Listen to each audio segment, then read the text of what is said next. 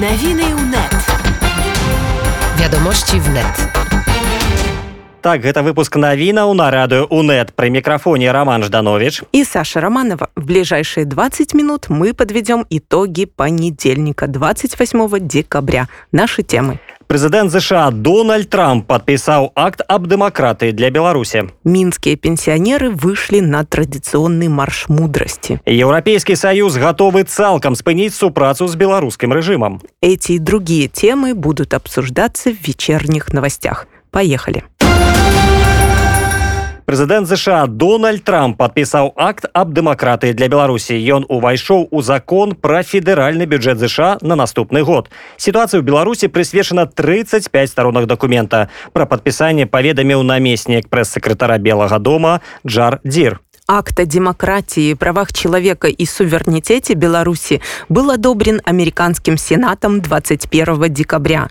Он дает президенту США дополнительное полномочия по введению санкций в связи с выборами в Беларуси и событиями, которые происходят после них. Сярод іншага дакумент заклікае да новых выбараў, вызвалення ўсіх палітычных зняволеных, а таксама прызнае каардынацыйную раду законным інстытутам для ўдзелу ў дыалогу аб мірнай перадачы перадачи улады. Помимо этого, документ разрешает оказание помощи в продвижении демократии и гражданского общества в Беларуси и оказывает поддержку белорусским СМИ и представителям IT-сектора. Акт о демократии требует от США стратегии по продвижению вещания, свободы интернета и доступа к информации. Так само, документ не признае уключение Беларуси у так званую союзную державу с Россией. Про то, чем важный акт об демократии у комментарии радио УНЕТ распавёў палітык политолог Андрей Казакевич. Акт демократии значит, что президенту проще будет вводить какие-то санкции, ограничения.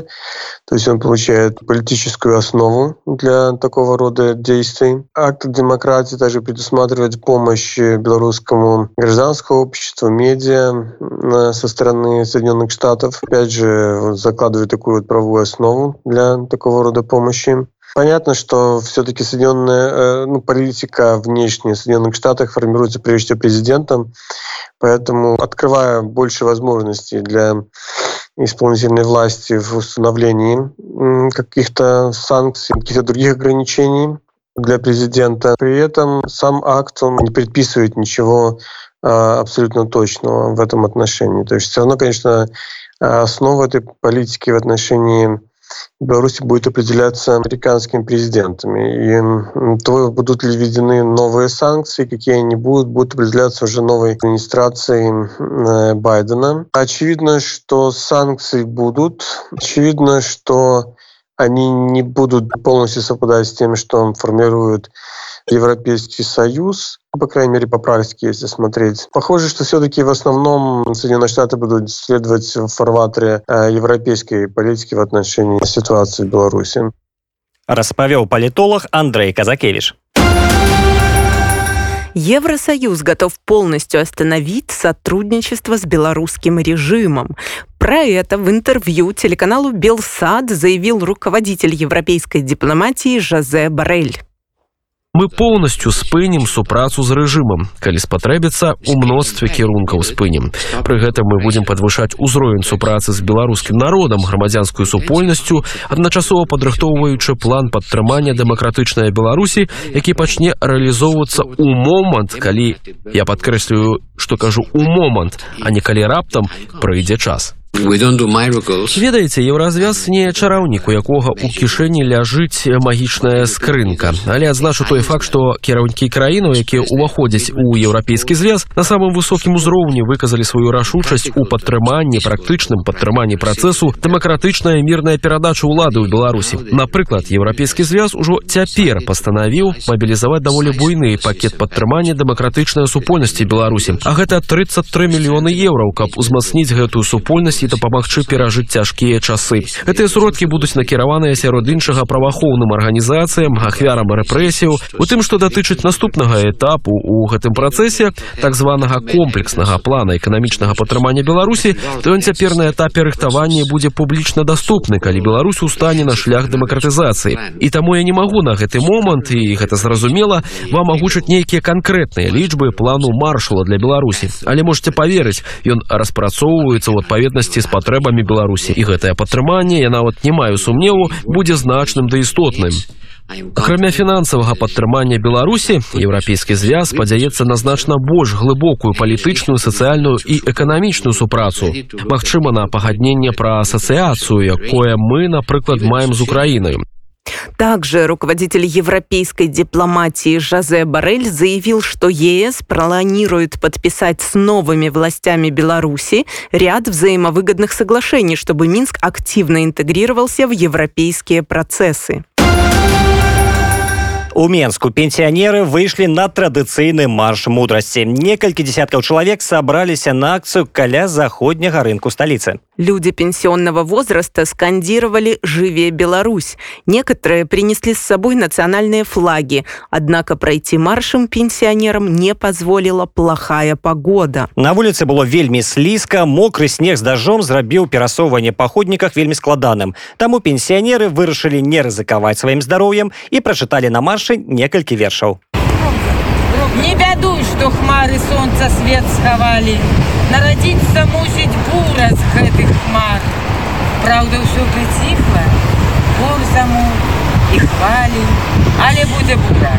Тым мацней удар. Жыве Беларусь! Жыве! Жыве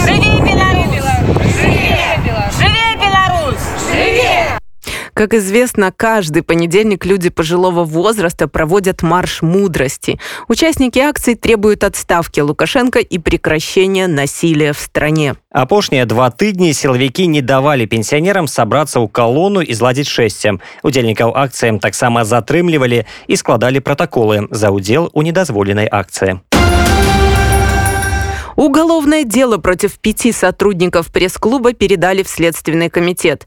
Это произошло всего на шестой день после их задержания. Адвокатов подозреваемых уже сегодня вызывали на допросы. Про это в своем Facebook сообщила Александра Слуцкая, дочь руководительницы пресс-клуба Юлии Слуцкой. Нагадаем, што 22 снежня сілавікі проста ў аэрапорце затрымалі стваральніцу прэс-клуба Юлію Слуцкую. У гэты ж дзень таксама затрымалі праграмнага дырэктара Аллу Шарко, фінансавага дырэктара Сергея Альшеўскага, кіраўніка акадэміі прэс-клуба Сергея Якупова ды аператара Пятра Слуцкага. За кратамі апынулася і былая журналістка БТ Ксения Луцкіна.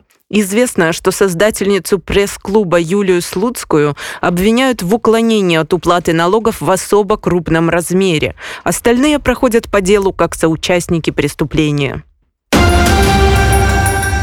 Светку смерти Геннадия Шутова, Александра Кардзюкова обвинуватели у замаху на забойство. Следство по его справе уже завершенное. В комментарии «Радио Свобода» сестра Александра, Марина, рассказала, что брат будет находиться под стражей как минимум до 15 января. Теперь адвокаты знакомятся с материалами и подают новое ходатайство. Геннадь Шутов был забиты стрелом у патылицу 11 жніўня ў берасці. Некалькі дзён ён правёў у мясцовай рэанімацыі. Затым яго на верталёце даставілі ў ваенны шпіталь у Менску. Шутаў памёр 19 жніўня. Афіцыйная прычына смерти чэрапна-мазгавы ацёк, агнястрэльнае раненне з нявыяўленымі намерамі. Александр Кардюков был свидетелем событий 11 августа. Во время конфликта с неустановленными лицами, который закончился огнестрельным ранением в затылок Шутову, Александру удалось сбежать. Его задержали только 14 августа. Пасля затрымання Александра Кардюкова перавялі ў сеза нумар адзін у Менску. Як стал вядома свабодзе, Александра цяпер абвінавачваюць у замаху на забойство. Расследование официально закончено. Стороны знакомятся с материалами дела. Когда Александра Кардюкова в суде признают виновным, ему может грозить даже смертная казнь. У панядзелак у жлобіне пачаліся суды над удзельнікамі жнівеньскага страйку на беларускім металургічным заводзе. Тады 17 жніўня на прадпрыемстве спынілася праца адразу ўсіх трох печаў. Перед этим рабочие встречались с руководством, и оно пообещало, что за сбор и акцию протеста никого наказывать не будет. Однако позднее Следственный комитет открыл уголовное дело за организацию и проведение незаконных групповых действий, которые грубо нарушают общественный порядок. 28 снежня пачаўся суд по гэтай справе над супрацоўнікамі бмз ігарам поваравым александром бабровым ды яўгенам говорам пратэстуючы супраць фальсіфікацыі выбараў і міліцейскага гвалту яны з іншымі работнікамі бмз перакрылі дарогу транспарту на завозе Также сегодня суд Жлобинского района начал рассмотрение административного дела против участников собрания, который прошел на БМЗ 17 августа. Причем, согласно законодательству, срок привлечения к административной ответственности составляет два месяца, а с момента собрания прошло уже четыре. У каментарыем радыё свабода сябра незалежнага прафсаюза бмз Дмітрий елисеев распавёў што спачатку усе ўдзельнікі страйку ішлі па адміністрацыйнай справе потым як сведкі па крымінальнай цяпер 26 чалавек суцяць за ўдзел у недазволеным масавым мерапрыемстве самого елисеева сегодня оштрафовали на 405 рублей еще два участника стачки получили по 5 суток ареста суды за августовскую стачку продолжатся 20 29 и 30 декабря. Большая часть рабочих, которые попали под преследование, члены независимого профсоюза. Следчы камітэт адмовіўся выпускаць журналістку белсата дар'ю чульцову пад асабістае паручальніцтвам пра гэта паведамляе прэс-служба беларускай асацыяцыі журналістаў з такімі хадайніцтвамі звярталіся старшыня баш Андрей бастунец ды галоўная рэдактарка газеты новы час Аксана колб В своем постановлении следователь назвал ходатайство Бастунца и Колб необоснованными и немотивированными. По его словам, когда Чульцову выпустят, она может скрыться от следователей, либо будет мешать расследованию уголовного дела. Таксама у следчы камітэт накіравалі паручальніцтвам за вызваленне другой журналісткі Белсата Кацярыны Андреевай, але ў ведомстве пакуль не каментуюць лёс гэтага хадайніцтва. Екатерину Андрееву и Дарью Чульцову задержали 15 ноября после стрима с площади перемен. Журналисток обвиняют в организации массовых мероприятий, которые грубо нарушают общественный порядок. берасцеец Андрей прыстаўка які пафарбаваў валасы ў бела-чырвона-белы колер атрымаў 15 сутак арышту мужчына судзілі за адзіночны пікет такім чынам новы год актывіст правядзе за кратамі Алекс Андрея задержали 24 декабря, когда он вышел на одиночный пикет с флагом погоня напротив отделения милиции. Два дня он провел в изоляторе. Потом состоялся суд, дело отправили на доработку, а мужчину отпустили. Однако сегодня утром его снова привезли в суд. При вставку осудили на 15 суток ареста, а флаг приказали уничтожить. Андрей Прыстаўка гэта інжынер-праграміст. У інтэрв'ю берасцей расійскай газеце ён расказваў што актыўна удзельнічаць у палітычным жыцці краіны ён пачаў яшчэ ў 2011 годзе калі выйшаў на маўклівую акцыю пратэсту тады ж берасцеец упершыню і апынуўся ў мясцовым ізалятары После этого, со слов Андрея, он 9 лет был кухонным оппозиционером и даже не ходил на выборы в 2015 году. А мінулай вясной, пасля таго, як у гародні падчас пікета па зборы подпісаў затрымалі Сергея Тихановскага, Андрей пайшоў волонтером у штаб Валерия Цапкалы. Во время выборов он был наблюдателем, потом выходил на акции протеста, а после попал за решетку. В октябре активист вышел из изолятора после 15 суток ареста и по покрасил волосы и бороду в цвета национального флага. Вядомы спартовы журналіст Сергей Шурком пакідае прэсбол. Пра гэта ён паведаміў у сваім фейсбук. «Бывай пресс-бол». Во всяком случае, его печатная версия, захваченная неприятелем. Сотрудничать с захватчиками не намерен, какие бы пайки не предлагали. Это была цитата Сергея Щурко. Як вядома, прэс-бол выдаецца са студзеня 1991 года. Нядаўна яго ўзначалі ў былы журналіст АНТ Сергей Лісічкін. Пасля гэтага на сайце газеты заўважылі факты цэнзуры, а з выдання сышлі некалькі журналістаў. Нынешнюю ситуацию с изданием Щурко называет позорным финалом. міністэрства фінансаў не бачыць праблем з пагашэннем дзяржаўнага доўгу ў 2021 годзе па словах міністра фінансаў юрыя сельверстава сёлета на пагашэнне дзяржаўнай пазыкі выдаткавалі каля 6 з паловай мільярдаў рублёў а ў наступным годзе выдзеляць амаль 5 мільярдаў Чиновник напомнил, что на прошлой неделе Беларусь и Россия подписали соглашение о выделении Минску кредита на 1 миллиард долларов. Из этой суммы 500 миллионов Беларусь получит до конца нынешнего года, еще 500 миллионов в следующем 2021 году. А я нагадаю, что дефицит республиканского бюджета на наступный год складает 4 миллиарда рублей. Национальный банк Украины не разрешил продать местный БТА-банк белорусскому бизнесмену Николаю Воробью, который попал в черный список Евросоюза. Нацбанк Украины патлумачыў сваё рашэнне тым, што дзелавая рэпутацыя Миколая Воробья не з'яўляецца бездакорнай. Украинцы ссылаются на решение Евросоюза о введении персональных санкций в отношении приближенного к властям белорусского бизнесмена. Акрамя таго, Нацбанк Украины вырашыў не прадаваць мясцовы банк праз тое, што Варабей мае праблемы з дакументамі, якія пацвярджаюць яго фінансавы стан і крыніцы прыбытку. Николай Воробей – это белорусский бизнесмен, владелец компаний «Интерсервис» и нефтебитумный завод по оптовой торговле нефтепродуктами. В санкционный список Евросоюза он попал за связь своего бизнеса с режимом Лукашенко. У Беларусі яшчэ два чалавекі прызнаныя палітвязнямі. Журналиста интернет-издания «Первый регион» Сергея Гордиевича задержали 22 декабря по дороге из Драгичина в Брест. Позже в его квартире произошел обыск. Оказалось, что на журналиста завели криминальное дело за оскорбление Лукашенко.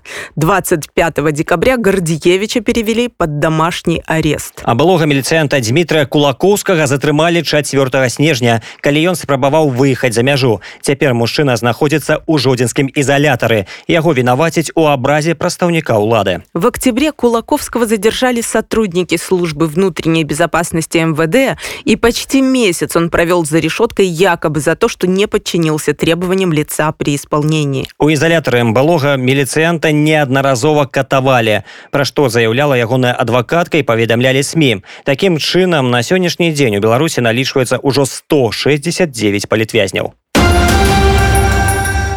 Белоруска Наида Абанович победила во втором сезоне шоу «La Voz Senior». Это испанский аналог конкурса «Голос 60+.» Як паведамляе радыё «Свабода», Наида Абанович выканала арыю з оперы «Валле» італьянскага кампазітара Альфреда Каталані, а таксама разам са сваім настаўнікам па праекце Давідам Бустаманте заспявала застольную песню Альфреда з оперы «Травіята» Джузеппе Верди. За перамогу ў фінале змагалася отбылася восьмёра финалистов. По результатам голосования зрителей победителем стала белоруска, которая теперь живет на Балиарских островах в Испании. Она родилась в Беларуси, училась в Молодеченской музыкальной школе, затем перевелась в учебное заведение в российской Астрахани, вышла замуж и уехала в Баку. Там Наида закончила консерваторию и работала в камерном хоре местной филармонии. Однако праз конфликт у Нагорным Карабаху у 1980 1979 годзе абанович вярнулася сям'ёй у Беларусь яна працавала ў філармоніі хорем радыё ды тэлебачанне пасля смерти мужа ў 2004 наідам паехала ў іспанію і працавала вулічнай спявашкай апошнія 15 гадоў яна выконвала оперную класіку на вуліцах пальма де маёркі С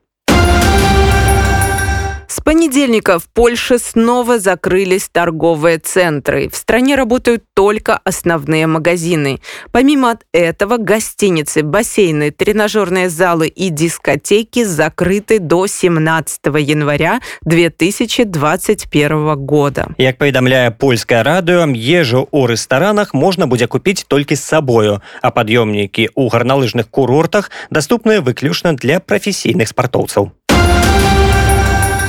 В Евросоюзе стартовала массовая вакцинация от коронавируса. Председатель Еврокомиссии Урсула фон дер Ляйен сообщила, что вакцина Pfizer-BioNTech была доставлена во все 27 стран ЕС. На данный момент только этот препарат одобрен Европейским агентством лекарственных средств. Планируется привить 446 миллионов человек. Тым часам усё больш краін свету паведамляюць пра выяўленне новага штама віруса. Раней ён быў знойдзены ў Великабрытаніі. Па словах экспертаў, ён не з'яўляецца больш небяспечным, але перадаць яго значна прасцей. У Лондоне на гарачую лінію хуткай дапамогі цяпер паступае столькі ж званкоў, колькі было вясной 2020 года у першую хвалю пандэміі.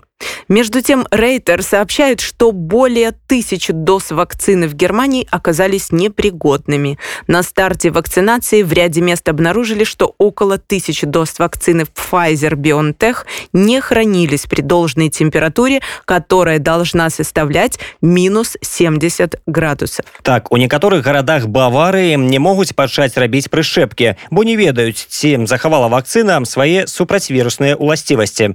Там чакаюць адказу от Биантех. Во время вакцинации в первую очередь будут привиты пожилые люди, живущие в социальных учреждениях и ухаживающий за ними персонал. Днями опытание громадской думки французского выдания iFob показало, что только 40 отсотков жыхароў этой краины плануюць атрымаць прышэпку, а 60 отсотков французов покуль не жадаюць вакцинироваться. В этой связи в некоторых странах предлагают сделать систему поощрения для вакцинированных. В Швейцарии эту идею поддерживает Национальная футбольная лига. Тым часам у швейцарыі з карантыну збегла каля 400 грамадзян Великабрытаніі. Раней улады канфедэрацыі загадалі адправіць усіх брытанцаў у 10дзённы карантын. Гэта было зроблена ў сувязі з паведамленнямі пра новы штам віруса, які з'явіўся ў Брытаніі. В ночь на воскресенье, проведя несколько дней в заперти на горнолыжном курорте Вербьё, сотни британцев сбежали из гостиничных номеров. Владельцы отелей заявили, что не осуждают поведение посещения гостей. Среди них были и семьи с маленькими детьми, запертые на 20 квадратных метрах. Мясцовыя ўлады таксама не спяшаюцца прымушаць прыезжых ізалявацца. Яны заяўляюць, што ўрад канфедэрацыі не даў ім ні магчымасцяў, ні асаблівых паўнамоцтваў кагосьці затрымліваць ці зачыняць у нумарах. Из 420 граждан Великобритании, получивших предписание сидеть в карантине, сейчас осталось э, в этом самом карантине около 10 человек. На расійскім модуле звязда міжнароднай касмічнай станцыі працягваецца уцежка паветра. Пра гэта сведчаць перамовы касманаўтаў з зямлёй, якія транслюе наса. 23 декабря сообщалось, что давление, которое ранее падало из-за утечки воздуха, стабилизировалось. Но последний эксперимент показал обратное. В ночь на 27 декабря российский космонавт Сергей Рыжиков закрыл люк в протекающую камеру модуля «Звезда», чтобы проверить герметичность. Через 18 часов он снова открыл люк и сообщил Центру управления полетами, что давление в отсеке продолжило падать. Эксперт у галіне касманаўтыкі Філіп Церахаў у інтэрв'ю тэлеканалу Дош патлумашыў, чым гэта можа быць небяспечна для МКС. Станция, будущая из нескольких модулей, в ней есть, как бы условно говоря, естественная утечка все равно всегда. Это есть. Вот. Проблема в том, что начали обнаруживать более тяжелую более заметную утечку и стали искать ее причины. Фактически это переходная, переходный отсек, это самый-самый ее конец, и дальше только стыковочный узел, к которому подходят, э, стыкуются, допустим, грузовые или э, пилотируемые корабли. В чем там проблема? Снаружи к этому э, отсеку не подберешься в принципе, потому что снаружи там есть узлы и агрегаты служебного модуля, и там это, это, это так специально было спроектировано чтобы в случае каких-то проблем, э, там, допустим, то, что там, там находится топливо, трубопроводы, какие-то утечки, чтобы они уходили наружу. Он, он специально сделан не герметичным, и к нему снаружи подобраться как бы с Союзом э, не получится. Если его закрыть, условно говоря, совсем, то теряется один стыковочный узел. Причем этот стыковочный узел достаточно важный. Он находится на оси, получается, станции, и до этого он использовался для того, чтобы, допустим, подходил корабль «Грузовой прогресс», у него были запасы топлива, часть топлива он перегружал на станцию, и затем включал свои двигатели и поднимал орбиту станции. Если мы этот узел теряем, то, э, в принципе, даже можно прогресс предпринимать. Другое дело, что там будет, э, не, не получится перегрузить груз, который находится внутри корабля. То есть также можно поднимать орбиту, также можно перекачивать топливо, но это, по сути, использование корабля грузового наполовину, потому что внутренний объем его использовать не получится. Наиболее очевидный вариант – это пытаться искать дальше эту утечку, потому что, возможно, дело не в той трещине, которую нашли. Причем нужно понимать, что это отсек, который фактически проработал уже 20 лет, даже больше 20 лет на орбите. Нужно понимать, что вот недавно МКС очередной юбилей отметила. С того времени этот отсек находится на орбите, грубо говоря, он просто старый уже. В американском э, пока мы такого не наблюдаем в данном случае. Ну, надо сказать, что это просто очень разные конструкции, потому что это разная даже идеология, потому что американские сегменты привозились шаттлом, они совсем другие, скажем так. Но, не, но некоторые из них тоже старые, поэтому нужно понимать, что подобные неприятные сюрпризы могут быть и у них. Пока что вот э, то, что я по памяти помню, это, например, на у американского сегмента там у них больше проблем с утечками аммиака, потому что аммиак это теплоноситель, который используется для регулирования температуры. И вот этот, э, не один раз были истории с утечками этого аммиака, причем, ну, к счастью, они были там снаружи, но астронавты тренируются на подобной аварийной ситуации, потому что нужно понимать, что аммиак это, эта штука ядовитая, и в случае, если начнется утечка внутрь, э, то это будет весьма-весьма неприятно. Таким мнением поделился популяризатор космонавтики Филипп Терехов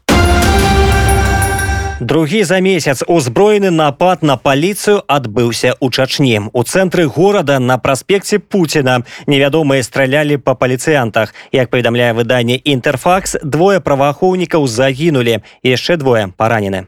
Позднее глава Чечни Рамзан Кадыров сообщил о ликвидации двух нападавших. По его словам, ответным огнем были убиты двое боевиков. Их личности установлены. По данным Кадырова, это два брата из Ингушетии, Хасан и Хусейн, которые в 2012-м переехали в Чечню, где устроились на работу в одну из пекарен. Ля берагоў чылем адбыўся магутны землятрус. Магнітуда вагання ўсклала 6,8 бала. Эпіцэнтр землятрусу знаходзіўся ў 160 кіламетрах ад узбярэжжа на глыбіні 10 кіламетраў. Чилийские власти исключают возможность возникновения цунами. О возможных разрушениях и жертвах пока не сообщается. На гэтым вечаровы выпуск навінаў на радыё УНэт завяршаецца ў студыі для вас па-ранейшаму працуюць Раман Жданович і Саша Романова. Навіны УНэт. Вядомосці в нет.